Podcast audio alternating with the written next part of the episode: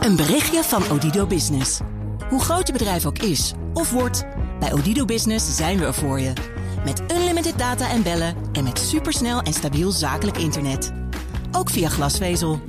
Ontdek wat er allemaal kan op odido.nl/slash business. Het kan ook zo.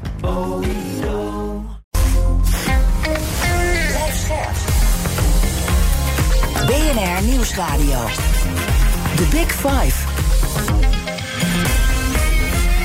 Diana Matroos. Corona, de oorlog, energie, stikstof, polarisatie, personeelstekort en het klimaat. We rennen van crisis naar crisis. En dat zijn natuurlijk bij uitstek tijden waar maatschappelijk betrokken leiders een cruciale rol kunnen spelen. Maar hoe zien zij die rol? Hoe komen ze los van de waan van de dag? En waar zien zij belangrijke oplossingen voor de lastige vraagstukken waar we voor staan? Daarvoor ga ik deze week met ze in gesprek in BNR's Big Five van de maatschappelijke leiders. En vandaag doe ik dat met niemand minder dan Ingrid Thijssen. Uh, vaker uh, bij mij te gast geweest uh, bij de Big Five. Ontzettend fijn dat je er weer bent. Voorzitter van VNO-NCW, de werkgeversorganisatie van ons land. Welkom, Ingrid. Goedemorgen, Diana. Fijn om er weer te zijn. Uh, ik ga het natuurlijk straks met je hebben over al die problemen waar ondernemers en bedrijven tegenaan lopen. Maar voordat ik dat aan je uh, vraag, wil ik uh, eerst twee dingen van je weten. Het eerste is: welke vraag houdt jou in deze tijd nou het meeste bezig? Ja, de vraag die mij het meeste bezighoudt, nou ja, dagelijks en meer dan, nou, ik zou bijna zeggen de hele dag, is: wat is nou wijsheid? Wat is wijsheid in deze extreem complexe periode... met die hele hoge inflatie, hoge energierekening... nog los van al die andere vraagstukken, maar die waren er al... Hè, voordat uh, de oorlog in Oekraïne begon. Maar de vraag wat is wijsheid, uh, die houdt mij bezig. En ik denk ook wel dat uh, nou, er misschien ook in de publieke opinie... wel wat onderschat wordt hoe ingewikkeld het is. We hebben hoge energierekening, we hebben hoge inflatie... Je wilt kwetsbare huishoudens beschermen belangrijke bedrijvigheid overeind houden. Tegelijkertijd mag de inflatie niet verder aangejaagd worden. En we hebben ook nog zoiets als staatsfinanciën die toch wel in orde moeten blijven. Dus je vindt ons denk, iets te hard soms? Nou, richting, uh, ja, zeker richting bijvoorbeeld de politiek en het kabinet. Het is echt niet eenvoudig. Dus um, ik zou een beetje mildheid daarin uh, wel op zijn plaats vinden. Ja, want, want je schetst eigenlijk, en dat is misschien ook de tweede vraag die ik uh, aan je wil stellen, dat het gewoon heel complex is en ook ja, moeilijk wat je moet doen. Ik zat net jou even te observeren vlak voordat we uh, begonnen. En ik zag je echt in gedachten. Ben, ben je veel aan het nadenken? Ik ben ontzettend veel aan het nadenken. Ja, dat klopt. Dat is ook wel over de aard van het beestje. Maar, ja. maar uh, uh, nee, maar zeker ook in, uh, in deze tijd met al die complexe vraagstukken. En dan de vraag: wat is nu gewoon wijsheid hè, voor Nederland, voor de Nederlandse bedrijven, voor Europa, nou, überhaupt in de wereld. Um, en bovendien heb ik een baan waarin je continu overal, af, overal iets van moet vinden. Ja. dus dan ben je ook, daar ben je ook over aan het nadenken. Ja. Is, is er iets, want we hebben natuurlijk ook perspectief nodig. En we gaan het straks ook hebben over maatschappelijk leiderschap en hoe je daarnaar kijkt. Maar perspectief is zo ontzettend belangrijk in zo'n moeilijke tijd. En terwijl het dus zo complex is, heb je een, bepaalde richting waarin je denkt: dat moeten we toch in de kern gaan doen, vasthouden, veranderen? Ja, zeker. Kijk. Um, met name nu natuurlijk de hoge energierekening die ook de inflatie uh, aanjaagt, die, ja, die komt uiteindelijk omdat we afscheid nemen van een fossiele brandstof, namelijk Russisch in dit geval gas. En ja, dat is toch de weg die we moesten gaan, uh, gaan nemen, die we moesten inslaan. Dus in die zin, ja, weet je, snel verduurzamen, zo snel mogelijk verduurzamen. Ik had toevallig gisteravond nog een, uh, een sessie met heel veel spelers uit de energiesector. En, en iedereen zegt dat ook. Het is, het is the only way out, is snel verduurzamen. En overigens, daar komt ook weer allerlei complexiteit bij ja, kijken. Ja, gaan we het over hebben. Gaan we het vast over hebben. Maar dat vind ik wel, ja, dat is gewoon natuurlijk toch het uh, lonkend perspectief. Ja, toch dat vasthouden, moeilijk dat ook uh, is. Maar juist in crisistijd kan je ook misschien wel veranderen. Laten we eerst even de, de actuele problemen benoemen. En dan wil ik graag even met jou, ehm, want MKB Nederland valt natuurlijk ook onder VNO-NCW. Toch even met de, de kleinere ondernemers beginnen. al die problemen die we al de revue hebben laten passeren, dat houdt in dat ondernemers steeds minder plezier hebben in ondernemen. Althans, dat blijkt uit onderzoek van het MKB-financieringsplatform Oktober. Eén op de vijf Nederlandse MKB'ers speelt zelfs met de gedachte om te stoppen. Wat, wat, wat, wat denk jij dan als je dat soort berichten leest? Nou, ik hoor het natuurlijk ook van de ondernemers zelf. En ja. eh, ook met tranen in de ogen zeggen ze dat. Dat heeft oh, heel veel verschillende uh, redenen. De ene is natuurlijk ja, dat opgelopen kosten. Dat gaat over hogere belastingen, maar natuurlijk ook de hoge energierekening. De huurprijzen die verhoogd worden, de, lonen die omhoog, uh, die omhoog gaan. Dus dat is een uh, aspect daarvan. Maar ook de ongelofelijke hoeveelheid uh, regels, wet en regelgeving die er is, die alleen maar meer wordt dat is ook iets waar, waar ze helemaal gek van worden. Waarvan ze ook, ja, ook wel soms met tranen in de ogen tegen je zeggen: Ja, eetje, ik kap, er, ik kap er gewoon mee. Hoe groot is die groep, denk jij, dat je daarmee kapt? Want zij hebben het over een van de vijf uh, Nederlandse MKB'ers. Maar hoe, wat zie jij? Nou, dat verbaast me niet. Het is altijd lastig. Ik heb natuurlijk heel veel gesprekken met ondernemers. En uh, ik, ik, heb niet een cijfer van een enquête, zal, ik, uh, zal ik maar zeggen. Het is heel lastig om over de duim te zeggen hoeveel zou het om kunnen gaan. Maar nou ja, dat zo'n cijfer verbaast mij eerlijk gezegd niet. En dan uh, zien we een, een, steunpakket voor ondernemers. Hè, want dan maak ik toch even de brug naar de energie. daar is de minister mee gekomen van Economische Zaken. Alleen de betaling gaat pas in april in. Kortom, ondernemers worden nog lang niet geholpen. Hoe verhoudt dat zich tot elkaar? Dus dat, dat die schrijnende verhalen, die jij dus ook hoort, en dan zo'n plan wat pas in april uitbetaald gaat worden. Ja, klopt. Kijk, wat daar jammer aan is, is ja, als, als er eerder besloten was het te gaan doen, dan had je het ook eerder zeg maar, in de benen kunnen hebben. Want wij hebben er begrip voor natuurlijk dat dat ook tijd kost om dat mm. allemaal ingeregeld uh, te krijgen. Ja, je zegt we moeten ook mild zijn naar onze politieke leiders. dat, dat, moet ook. Ja. Um, uh, maar wat dus goed is, is dat wel de afspraken. Eén ding is, wat er goed in is, je weet nu in ieder geval waar je aan toe bent. Dus je kunt gewoon in je vooruitkijken, in je financiën kun je rekening mee houden wat er straks uh, komt. Dat is één. En het ander is dat, je, dat er ook ook um, uh, afspraken komen met banken en ook met de Belastingdienst over een soort overbrugging tot die, tot die tijd. Om je, nou ja, het zou zonde zijn natuurlijk als je weet, als ik daar ben en ik kan het aanvragen, dan overleef ik. En als je voor die tijd kopje ondergaat. En gaat dat er komen dan, die brug? Ja, ja daar ga ik wel vanuit. Daar ga je wel vanuit. Daar heb je ook toezeggingen van de banken dat dat gaat komen. Nou, dat, dat er die gesprekken lopen allemaal nog, maar daar ga ik wel vanuit dat dat wel goed komt. Oké, dus dat is, dat is dan een bepaalde dat helpt dan in ieder geval weer iets... ook voor onze ondernemende luisteraars. Ja, iets van een geruststelling ja. uh, is dat. Ja. Maar toch, dan zijn er nog wat andere uh, punten. Want het steunpakket zou gaan gelden voor bedrijven tot 250 medewerkers. die minstens 12,5% van hun omzet aan energie uh, kwijt zijn. En het gaat dan tot een maximum van 160.000 euro per bedrijf. Hoe kijk je naar deze randvoorwaarden? Ja, op het eerste gezegde, dat geven ook onze, de branches waar het over gaat, die geven dat ook terug. Op het eerste gezegde uh, lijkt, dat, uh, uh, lijkt dat niet goed genoeg. Hè, dus lijkt eigenlijk op dat er heel veel bedrijven mm -hmm. ja, die eigenlijk er wel voor in aanmerking zouden moeten komen, daar niet aan voldoen. Maar we zijn er nog wel uh, echt goed naar aan het kijken van hoe het nou precies zit. Ook in overleg met, uh, met het ministerie. Want het ministerie van Economische Zaken en de minister hebben juist hun best gedaan om een oplossing te vinden die wel helpt. En uit hun berekeningen blijkt ook dat het wel goed genoeg zou zijn. Dus nou, daar zijn we over aan het puzzelen, laat ik het mm -hmm. zo zeggen. Oké, okay, maar, maar uh, de NOS sprak bijvoorbeeld een bakker die net onder de 12,5 procent zit. En eigenlijk wordt hij geprikkeld om het gas alleen maar harder aan te zetten. Dus, dus daar zijn we naar aan het kijken. Net. Er zijn altijd natuurlijk allerlei voorbeelden van nee, dingen die je inderdaad. De duurzaamheid. Nee, het zijn echt uh, dingen die je niet wil, want dat is natuurlijk een perverse prikkel. Mm -hmm. uh, om dan maar te kwalificeren voor die regeling, dan maar wat meer gas te gaan verstoken. Um, dus nou ja, we zijn daar met de achterban, met onder andere de bakkers, goed naar aan het kijken. Welke, welke sectoren vallen er nog meer uit die, waar, waar je je zorgen over maakt? Um, dat is met name dus energie-intensieve uh, MKB. En dan gaan we het straks denk ik over de wat grotere bedrijven hebben boven de 250 uh, medewerkers. Wat, want daar is natuurlijk uh, niks voor geregeld. maar het gaat bijvoorbeeld over, over wasserijen, stomerijen, over steenbakkers, over bakkers, slagers, industriële bakkers, over tuinders. Um, nou, dan vergeet ik er nog een heleboel. Maar ja, we hebben. Markthandelaren van, viel nog uh, ergens in. Ja, we hebben circa 20 branches in onze achterban, dus 20 sectoren uh, voor wie het opgaat. Als het over die groep gaat, en dan gaan we zeker ook naar die grote bedrijven, waar maak jij je nu het meeste zorgen over? Wat voor impact dit kan gaan hebben op onze economie, op het straatbeeld, uh, andere zaken? Nou, uiteindelijk denk ik het meest op het straatbeeld. Hè. Dus uh, juist ook, uh, ook dit soort bedrijven, als die, als die omvallen.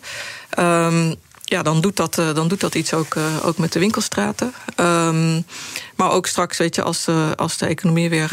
nou, hij gaat nu afkoelen als die dan straks weer, weer aantrekt. En die nemen, nemen wasserijen, grote industriële wasserijen, die is weg. Ja, weet je, dan heb je hem wel weer, dan heb je hem wel weer nodig.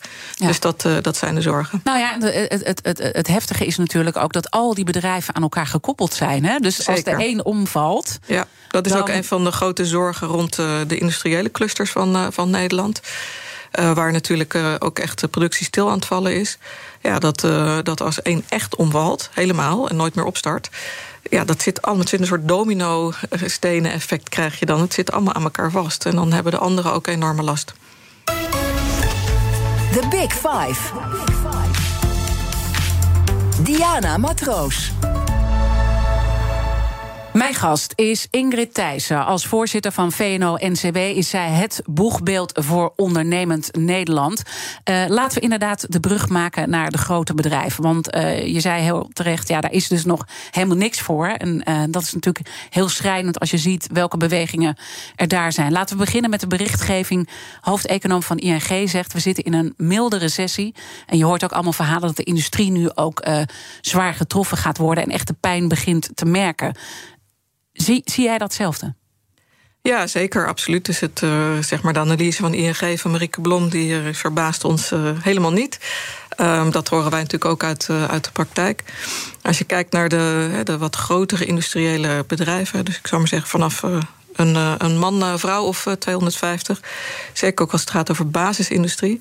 Dat zijn bedrijven die eigenlijk de grondstoffen maken, de ingrediënten maken, alle chemicaliën of staal, die weer in alle andere spullen die wij gebruiken, elke dag, ook in je tandenborstel nou, enzovoort, die daarin zitten, dat die bedrijven nu stilvallen. En waarom is dat, waarom is dat linkersoep, om het maar, om het maar zo te noemen? Dat is omdat de die, die spullen zijn natuurlijk nog steeds nodig. Die grondstoffen die worden dan buiten Europa, worden die, uh, nu wordt de productie daarvan, uh, daarvan opgevoerd. Dat wordt vervolgens geïmporteerd in Nederland. Hè, terwijl de Nederlandse en ook Europese bedrijven die deze spullen maken, hun productie stilleggen. En uh, dat gaat dus ten koste van de strategische autonomie van, van Europa. We hebben natuurlijk allemaal zo graag gewild en gezien door de afhankelijkheid van het Russisch gas. Ja, maar ook niet willen. Ja. ja. ook doordat we geen paracetamol meer konden krijgen in de coronapandemie, dat we eigenlijk liever onafhankelijker worden. En nu lopen we het risico, dit is aan het gebeuren, dat we alleen maar meer afhankelijk worden van, uh, van productie buiten Europa. En er komt nog iets bij. En dat is het hele uh, duurzaamheidsperspectief. Uh, Vaak zijn die fabrieken in, noem Brazilië of de Verenigde Staten, uh, minder duurzaam hun bedrijfsvoering dan uh, in Europa, zeker ook dan in uh, Nederland. Dus daarmee is het ook niet, niet goed voor de klimaatcrisis. En we hadden natuurlijk als Europa en als Nederland de strategie waarom wij gaan zorgen dat onze basisindustrieën dat die koploper worden in duurzame productie. En daarmee ook een koploper in de nieuwe economie. Dat was de strategie van, van Europa en Nederland. We worden nu ingehaald omdat de industrie bij ons stilvalt, in het buitenland opgepompt wordt. Zeker bijvoorbeeld ook in de Verenigde Staten. Ja, zie je en ook uit de in, inkoopmanagersindex. Dat zie je. En daar zie je nu ook dat um, uh, Biden heeft natuurlijk een uh, klimaatpakket uh, afgekondigd met heel veel geld, 370 miljard. Dat gaat nu naar die Amerikaanse bedrijven om snel te vergroenen. Dus wij worden ook ingehaald in onze strategie van en autonomie als Europa, maar ook duurzaamheid, koploper in duurzaamheid. Ja, dat is echt een existentiële vraag voor Europa. Ja, en dan hebben we eerder ook al chemische bedrijven gehoord die gewoon overwegen: misschien moeten we gewoon wel Nederland verlaten. En we hebben natuurlijk al heel veel bedrijven Nederland zien verlaten. Neem een, uh, neem een Shell, neem een Unilever. Um, waar, waar vrees jij voor als het daarover gaat? Overwegen bedrijven al om te gaan? Ja, zeker. Dat, uh, dat was iets wat je een paar jaar geleden niet mocht zeggen. Want niemand geloofde het. En dan was het van ja, uh, dat is niet geloofwaardig. Dus je moet daar niet mee, mee, dreigen. Maar het is natuurlijk nu gebeurd met een aantal, aantal bedrijven. Ik weet dat het in meer bestuurskamers die discussie speelt. En zeker nu rond de basisindustrie en het stilvallen daarvan. Eh, is dat, is dat ook echt een grote zorg? Ja. Um, nou, vanwege wat ik net al zei, de, de, gewoon de onafhankelijkheid van Europa ten opzichte van de rest van de wereld voor basisgrondstoffen. Uh, maar ja, natuurlijk ehm, uh, natuurlijk ook omdat je uiteindelijk uh, gaat het ook over werkgelegenheid uh, in Nederland. Hè, waar we het net al over hadden. Als bijvoorbeeld Gemelot in Limburg ligt nu voor de helft ongeveer. Dat betekent dat ook al het MKB wat daar vast zit, bijvoorbeeld een industriële wasser die de overalls van de mensen die daar werken wast, ja, die hebben dan ook ineens geen werk meer. Ja, dus alles zit aan elkaar geknoopt. En dat is natuurlijk ook uh, voor die grote bedrijven zo. Die zijn ook weer allemaal ook afhankelijk van elkaar. Als het gaat over die grote bedrijven, hoe, hoeveel procent overweegt om Nederland te verlaten? Heb je, heb je daar een inschatting van of is het daar te vroeg voor? Nee, dat vind ik uh, moeilijk om daar een inschatting uh, van te maken. Dat uh, verschilt natuurlijk ook per bedrijf. voor ieder bedrijf is de situatie in Nederland natuurlijk uniek. Mm -hmm. en dus ook de overwegingen. Wel in algemene zin maken wij ons zorgen over ja, wat dan uh, met een niet zo heel populair woord het vestigingsklimaat uh, heet in Nederland. Daar waren we, onderscheiden zich ons altijd hè, in het verleden. Uh, bedrijven vonden het echt prettig om in Nederland te zitten om een heleboel factoren. Um, ja, en eigenlijk op al die factoren zijn we door landen om ons heen ook, ook bijgehaald. En sterker nog, doen wij het inmiddels uh, slechter dan, uh, dan de landen om ons heen. Bijvoorbeeld, uh, mensen denken altijd dat, de belasting, dat Nederland een belastingparadijs is. Nou, dat is onzin. De belastingdruk voor bedrijven in Nederland is, is diep onder het. Nee, ik moet zeggen het verkeerd. Mm -hmm. Is veel zwaarder dan het Europese gemiddelde. Wij zijn een van de, wat dat betreft slechtste tussen aanhalingstekens. Ja, misschien, misschien natuurlijk voor externe partijen zijn we wel heel interessant, maar dat is natuurlijk weer een heel ander uh, verhaal. Dat is een ander verhaal, maar ja. voor gewoon een bedrijf dat ja. hier zijn, uh, zijn zaken wil doen, is de belastingdruk in Nederland vergeleken met andere landen hoog. Maar ook dingen als bijvoorbeeld onze beroepsbevolking, daarop onderscheiden we ons altijd in het verleden. Ja, dat, dat is gewoon niet meer zo. En dan komen we toch ook een beetje nu op het punt van leiderschap en wellicht ook maatschappelijk leiderschap. Wat, wat voor leiderschap hebben we nu nodig met al die problemen die je schrijft? En van wie moet het met name komen? Nou, ik denk dat we, dat we sowieso Europa, maar je zou bijna zeggen de wereld, maar zeker ook Nederland, dat we, uh, dat we leiderschap nodig hebben die eigenlijk een, uh, een koers uitzet. Um, nou, die de boel ook een beetje bij elkaar, uh, bij elkaar houdt. dat is natuurlijk iets wat je van, van een kabinet verwacht. Hè. Ik, ik zou ook denken, goh leg nou goed uit aan Nederland ook bijvoorbeeld over um, uh, hoe je nu kijkt op dit moment naar de economische situatie, maar ook naar wat er bijvoorbeeld qua staatsfinanciën nou wel en niet kan. Hè? Bijvoorbeeld zo'n zo'n 40 miljard pakket wat nu uh, ja, naar, aan energiecompensatie gaat gebeuren. Dat kunnen we als land niet drie jaar volhouden. Ja, wat dan? Hè? Dus, dus je zegt ook, vertel het eerlijke verhaal. Ja, vertel, vertel, vertel het verhaal, vertel natuurlijk het eerlijke verhaal. Um, niet dat dat één ding is. Ik denk aan de andere kant voor de, voor de grote maatschappelijke vraagstukken die er zijn, maar ook wel de acute situatie nu bijvoorbeeld met de hoge energierekeningen. Um, zie je gewoon dat, uh, dat uh, de maatschappij, de samenleving, blijkt ook het onderzoek, verwacht dat bedrijven daar ook uh, het voortouw in nemen om het op te lossen. Eigenlijk voor een reden die heel goed nieuws is voor het bedrijfsleven, namelijk dat, um, dat de gemiddelde burger het meeste, meeste vertrouwen heeft in bedrijven. Ja. Veel meer dan in bijvoorbeeld de overheid. Dus ze hebben in, in, in een, een cycle of Willen jullie het alsjeblieft? Ja. Doen jullie het alsjeblieft? Ja. Ik denk dat dat ook, nou ja, dat is dus ook een compliment, denk ik, voor bedrijfsleven, maar uh, en ook een verantwoordelijkheid. En ik zie ook, dat is wel mooi, ik zie ook dat ze daar invulling aan geven op heel veel verschillende manieren. Maar bijvoorbeeld nu, als het gaat om de hoge energierekeningen, ik zie ongelooflijk veel werkgevers die zeg maar extra uitkeringen doen aan hun werknemers, omdat ze zien dat die worstelen met hun energierekening. Is dit, is dit voor jou maatschappelijk leiderschap of versta je er iets anders onder? Nou, ik vind het wel uh, maatschappelijk leiderschap. Ja, en ja, dan zie je. Dit, of? Ja, ja, ja, zeker. zeker. Nee, maar ik, ik, ben gewoon benieuwd hoe jij naar die definitie. Want wij geven dan zo'n week een naam. En uh, ja, ja, het is vooral. Uh, ja, en wat is jullie definitie precies? Nou ja, ik denk wel dat je uh, um, ook goed moet doen voor de samenleving. En moet zorgen dat iedereen meekomt en een, een plek heeft. Omdat je ook gewoon ziet, en daar komen we straks ook wel over te spreken. Dat de weerstand in de samenleving natuurlijk steeds groter wordt. En ja.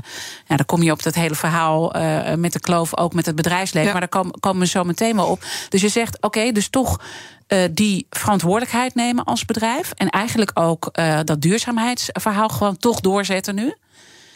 En tegelijkertijd uh, is dat natuurlijk enorm lastig balanceren. Want kunnen die bedrijven het wel? En kan die overheid het wel? Nou, bij bedrijven verschilt dat natuurlijk per bedrijf. Het gaat uh, heel erg om ook uh, natuurlijk, uh, ja, hoe je financiële situatie is. En dat, dat verschilt enorm. er zijn er nu die bijna kopje ondergaan. Er zijn er waar het ongelooflijk goed mee gaat. Dus Um, ja, en de kant van de overheid, dat is denk ik een van mijn grootste zorgen op dit moment. Is natuurlijk de uitvoeringskracht van, de, van onze overheid. Krijg je dingen die moeten gebeuren, krijg je dat nog uh, voor elkaar? Krijg je dat uh, op tijd voor elkaar?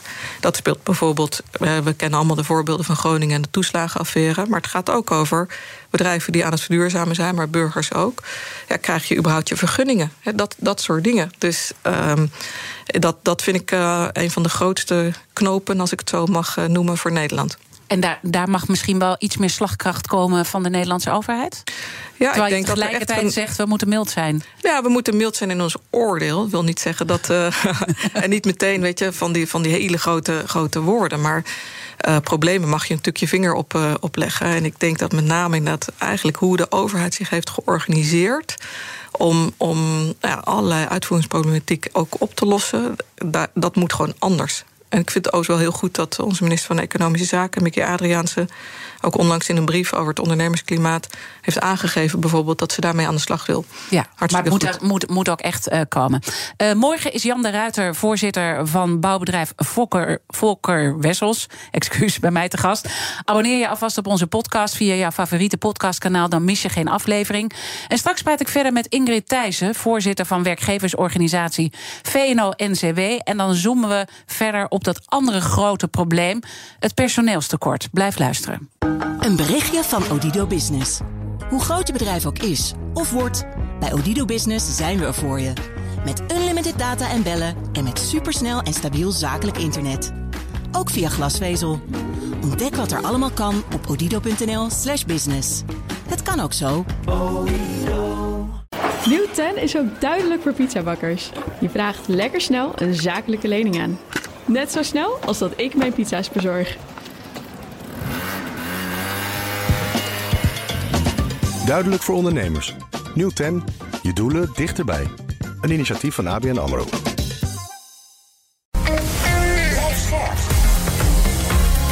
BNR Nieuwsradio. The Big Five. Diana Matroos. Welkom bij tweede halfuur. Deze week spreek ik met vijf kopstukken uit de wereld van de maatschappelijke leiders. Eerder deze week sprak ik met Petri Hofstee. Zij is meervoudig commissaris, onder andere bij Rabobank, Achmea, Fugro. En ik sprak met haar over maatschappelijke veranderingen in tijden van crisis. En zij gaf aan dat we de weerbaarheid van bedrijven hebben onderschat.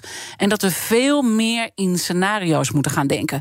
Luister het gesprek terug via onze BNR-app. Mijn gast vandaag is Ingrid Thijssen, voorzitter van werkgevers organisatie VNO-NCW. Ben je trouwens eens met Petri?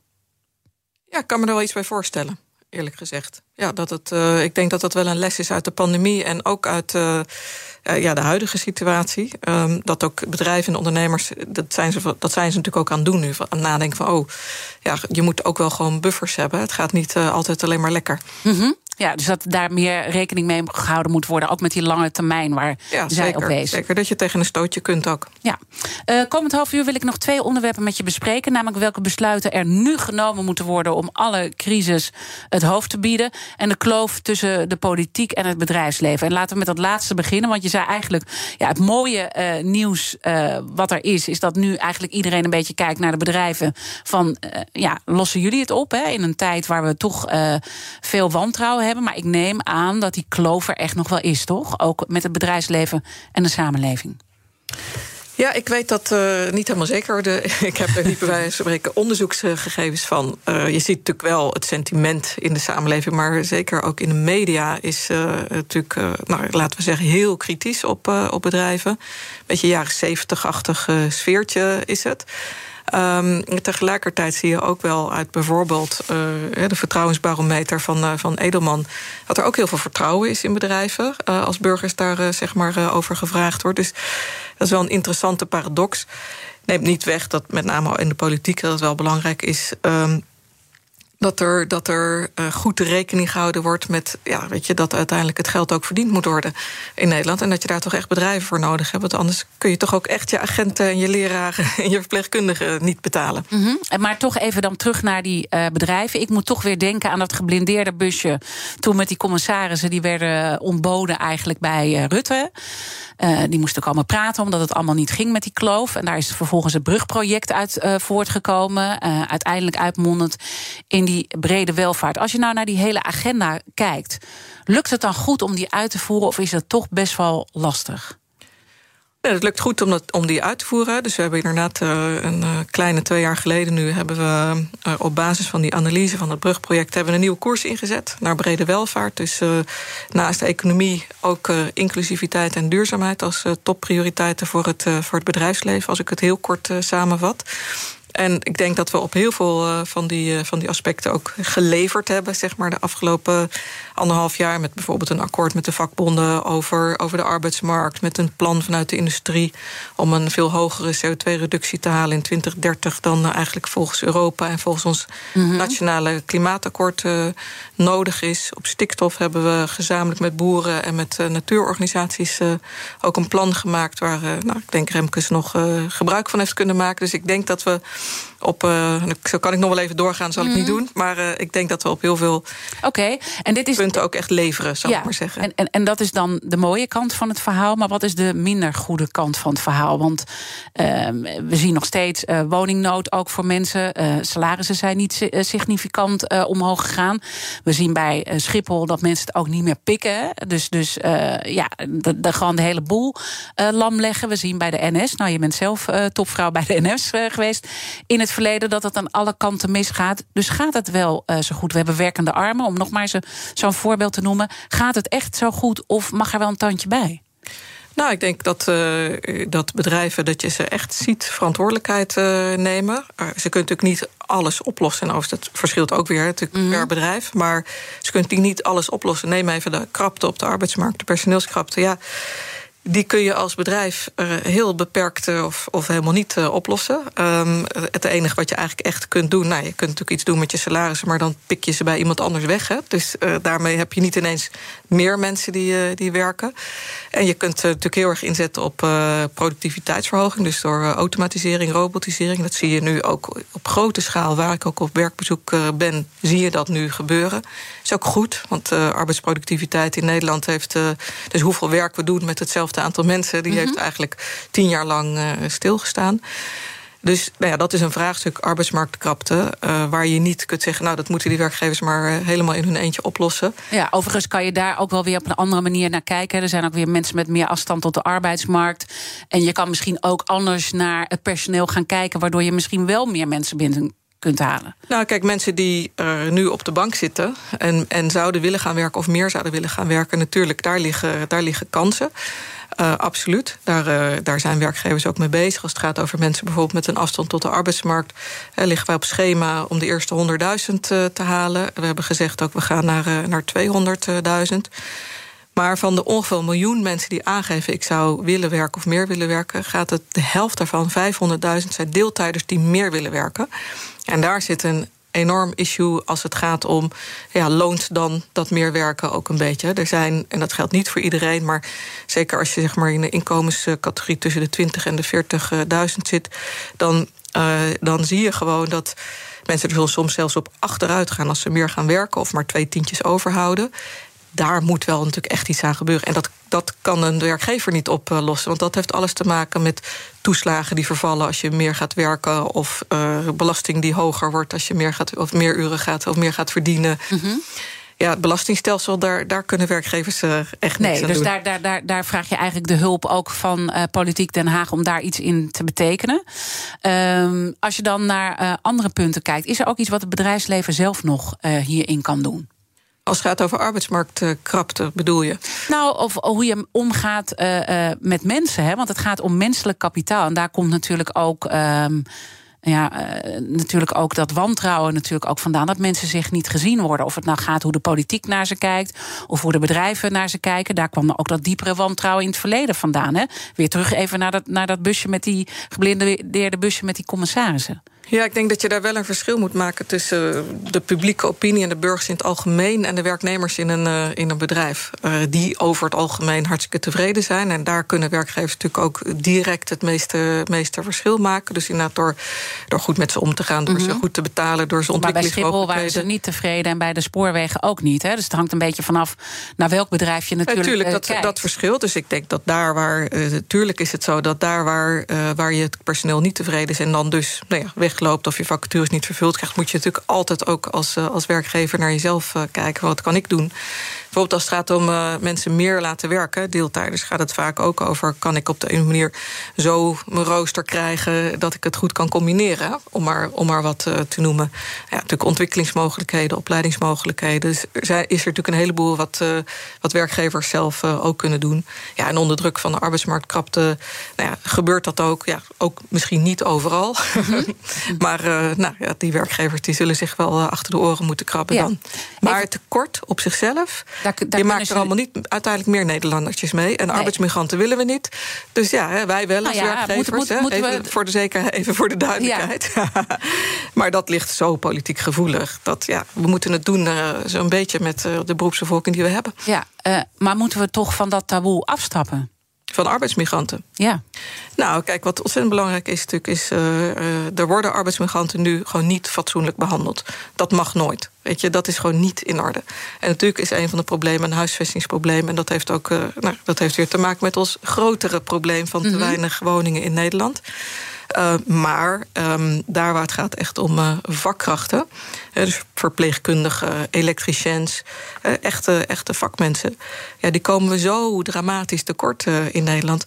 Dat los je ook niet zomaar op met, met bijvoorbeeld robotisering. Wel, misschien een beetje, mm -hmm. maar mhm. te weinig. Daarvan zeggen we, ja, je zou wel een regeling moeten hebben om arbeidsmigranten ook van buiten de Europese Unie voor die ja, die voor die vakberoepen, of hoe noem je het, voor ja, die ja. beroepen die echte vakkrachten, die zouden er wel, die zouden wel echt moeten ja, komen. Die technici zijn bijvoorbeeld ook weer heel erg belangrijk voor de energietransitie. En voor het hè, bouwen van die huizen. En, hè, dus, dus je kunt wel zeggen van goh, ik, ik wil dat niet. Maar ja, je wilt wel handen aan het bed in de zorg. Uh, en je wilt inderdaad, je wilt huizen bouwen. Er moeten elektriciteitsnetten aangelegd worden voor de energietransitie. Ja je kunt niet alles, wel, de, alles wat de, de lusten zijn wel willen en de lasten niet. Ja, dat gaat ook niet. En, en, en, en hoe kijk je dan in dat verband naar uh, politiek Den Haag? Hè? Want we begonnen het gesprek, we mogen wel wat milder zijn. Maar dit zijn natuurlijk wel punten waar ze ook wat laten liggen en elkaar de tent uitvechten. Want ik denk ook wel dat ondernemend Nederland er een beetje naar kijkt. Wat zijn die daar met z'n allen aan het doen? Ja, ik denk dat dat voor alle Nederlanders geldt. Zeker ook voor ondernemers. Dat je er toch soms uh, met verbazing, nou ja, dat is misschien nog een zacht woord, mm -hmm. maar uh, naar zit te kijken wat er gebeurt. En dat het ook eigenlijk niet gaat over de inhoud van de grote vraagstukken van Nederland. Um, ja, dat is natuurlijk toch heel erg, heel erg zorgelijk. Dat is overigens onderdeel van van de, van de ingewikkeldheid van dit moment. Dus de vraagstukken zijn heel erg ingewikkeld. Hè. Dus arbeidsmarkt, huizenmarkt, energietransitie, hoge energieprijzen van dit moment. Maar ook de hele politieke setting hè. in onze eigen Tweede Kamer. Overigens ook natuurlijk weer in Brussel. Dat is hartstikke ingewikkeld ja, dat, dat, je moet wel uitkijken dat je niet soms een beetje somber wordt. Maar uh, mm -hmm. daar hou ik niet van, dat moeten we niet doen. Nee, maar, maar die houding mag misschien uh, best veranderen. En ik denk ook, uh, politiek Den Haag is natuurlijk ook een voorbeeldfunctie. Ik bedoel, als ze zich daar zo gedragen... Um, en, en, en, en ja, de polarisatie ook die je daar ziet... dat zijpelt natuurlijk ook in een samenleving. Maar ik kan me ook voorstellen dat je dat uiteindelijk ook op de werkvloer tegenkomt. Ja, het is niet zo dat ik daar signalen over krijg, zeg maar, uit, uh, uit okay. de achterban bij, uh, bij uh, werkgevers vandaan. Dat er ook veel spanning op de, op de werkvloer is. dat eigenlijk niet. Ik kan me jou wel jouw aanname kan ik me voorstellen. Maar ik denk gelukkig, ik denk dat je dat eigenlijk overal ziet waar mensen gewoon echt samenwerken. En ook op, op aan een klus samenwerken. Net zoals je dat wij spreken bij een team bij de voetbalvereniging ziet. Ja, dan verenigt het ook. Dus dan ja. ben je gewoon samen lekker aan de klus. En op andere onderdelen zie je dan wel spanningen? Nou, ik, ik ik denk dat het vaak zo is in de samenleving dat er spanning is, ook omdat mede denk ik ook wel omdat alles zo ingewikkeld is. Hè, waardoor mensen zich ook niet meer heel erg uh, verdiepen. Maar eigenlijk op een buikgevoel afgaan en er op, ja, op basis daarvan iets van, uh, iets van vinden. En we hebben natuurlijk ook niet meer zoveel um, moet ik het zeggen, uh, settings, een rot woord, maar plekken waar, waar mensen met uit verschillende bubbels, om het zo doen, waar ze echt ook bij elkaar komen. Eigenlijk is het alleen ja, verenigingen, toneelvereniging, voetbalvereniging aan de ene kant. En um, werk, de werkvloer zijn eigenlijk de enige plekken nog uh, waar, dat, uh, waar dat gebeurt. Ik denk dat dat een van de redenen is um, waarom het ook zo gepolariseerd is. Een berichtje van Odido Business. Hoe groot je bedrijf ook is of wordt, bij Odido Business zijn we er voor je. Met unlimited data en bellen en met supersnel en stabiel zakelijk internet. Ook via glasvezel. Ontdek wat er allemaal kan op odido.nl/slash business. Het kan ook zo. Nieuw 10 is ook duidelijk voor pizzabakkers. Je vraagt lekker snel een zakelijke lening aan. Net zo snel als dat ik mijn pizza's bezorg. Duidelijk voor ondernemers. Nieuw 10. Je doelen dichterbij. Een initiatief van ABN AMRO. BNR Nieuwsradio. The Big Five. Diana Matroos. Je luistert naar BNR's Big Five van de maatschappelijke leiders. Morgen dan spreek ik met Jan de Ruiter. Hij is bestuursvoorzitter van Volker Wessels. Het grote bouwbedrijf, het grootste bouwbedrijf van ons land. En dan uh, praat ik uiteraard ook over zijn leiderschap en de grote uitdagingen waar de bouwwereld voor staat. Mijn gast vandaag is Ingrid Thijssen, voorzitter van werkgeversorganisatie VNO-NCW. En mijn gasten stellen elkaar vragen via de kettingvraag. In de vorige aflevering sprak ik met Jacobine Geel. Zij is weer voorzitter van het college voor de Rechten van de Mens. En zij had deze vraag voor jou. Wat kun jij doen vanuit je rol bij VNO-NCW om uh, discriminatie van jongeren met een niet-Nederlandse achtergrond, uh, bijvoorbeeld bij het vinden van stageplekken, te voorkomen? Ja, waar wij, dat is een serieus probleem. Discriminatie komt voor en dat uh, mag natuurlijk absoluut niet, uh, niet gebeuren. Waar wij mee bezig zijn, is uh, een convenant te sluiten met MBO en, um, en de overheid hierover. Dus -hmm. over stageplekken, over de niet discrimineren. Dus nou, dat is iets uh, wat ik en, en wij vanuit uh, werkgevers kunnen, kunnen doen. Daarnaast werkt het uh, nu in praktijk al zo dat als je dat doet als werkgever, discrimineren bij het toekennen van stageplaatsen, dat je je officiële keurmerk als, als leerinstituut zeg maar, kunt kwijtraken. En daar zitten ze ook niet op te wachten, want stagiaires hebben toegevoegde waarde. Ja, en het is ook heel dom om te doen met, met al die personeelstekorten die net ja, beschrijft. Weet ja. je wel? Dus het, het heeft ja. ook totaal geen win natuurlijk voor je ik organisatie. Denk ook, ik denk ook, dat is natuurlijk, denk ik vaak met discriminatie. Het, het, het gebeurt natuurlijk zelden echt expres of bewust. Het maar zijn vaak onbewust Het is vaak onbewust, ja. Ja, maar dus wel heel belangrijk om daaraan te werken.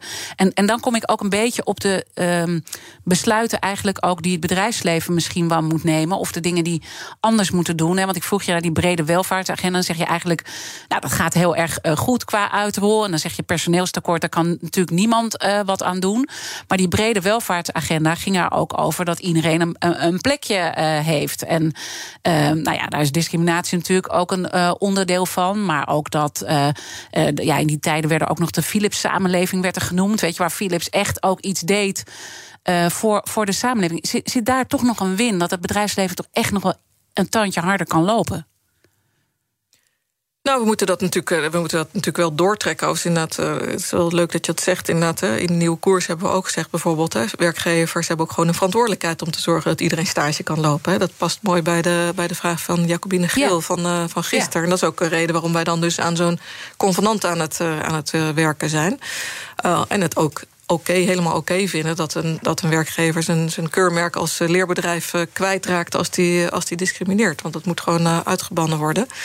Uh, maar natuurlijk zijn we nog steeds bezig met. Goh, wat kun je nog meer doen? Uh, ja. Tandje verder als het gaat over brede welvaart. Als je het hebt over inderdaad die Philips-metafoor van, uh, van vroeger. Het is wel heel interessant dat bijvoorbeeld zijn best wel veel bedrijven uh, die bereid zijn om uh, verantwoordelijkheid te nemen en dat ook te bekostigen om uh, woningen voor hun werknemers te bouwen. Dus, Kijk, dat is nou precies wat Philips ja, destijds, deed. destijds deed. En overigens wel meer toen progressieve ondernemers. Maar daar ze dan tegenaan lopen, is dat er vaak gewoon geen vergunning verleend wordt. Dus uh, laat ik zo zeggen, het is in Nederland, het is voor, voor bedrijven, voor ondernemers, het is niet makkelijk om het goede te doen. Nee. En dat is wel iets waar, nog, waar we denk ik. Uh, nou ja, dat vraagt ook een bepaalde manier van samenwerken met de overheid. Mm -hmm. En ook van de kant van de overheid wel een bepaalde ja. mindset, een bepaalde, bepaalde ja. houding. Het goede doen is natuurlijk ook meer loon betalen. Ik bedoel, we hebben allemaal hè, de, energierekening gaat omhoog, de inflatie, al die problemen wat we hebben benoemd. En dan zie je toch een discrepantie tussen waar FNV uh, voor gaat en waar het bedrijfsleven voor wil gaan. Uh, minimumloon gaat 10% omhoog, gaat naar ongeveer 12 euro per uur. En FNV zegt ja, ga naar 14 euro per uur. Je weet ook dat we los van het minimumloon, we weten gewoon dat we werkende armen hebben in Nederland. Nou, het zou toch moeten zijn in Nederland dat als je werkt, dat je gewoon zou moeten rondkomen. Hè. Adje Kuiken die confronteerde ook Rutte daar mee. Moet er niet ook vanuit het bedrijfsleven daar meer stappen worden gezet als het gaat om hogere lonen? Nou, ik, ja, daar valt een heleboel, heleboel over te zeggen. Ik ben het helemaal met je eens dat het uitgangspunt is. Het, ik bedoel, je moet gewoon rond, rond kunnen komen als je, als je werkt.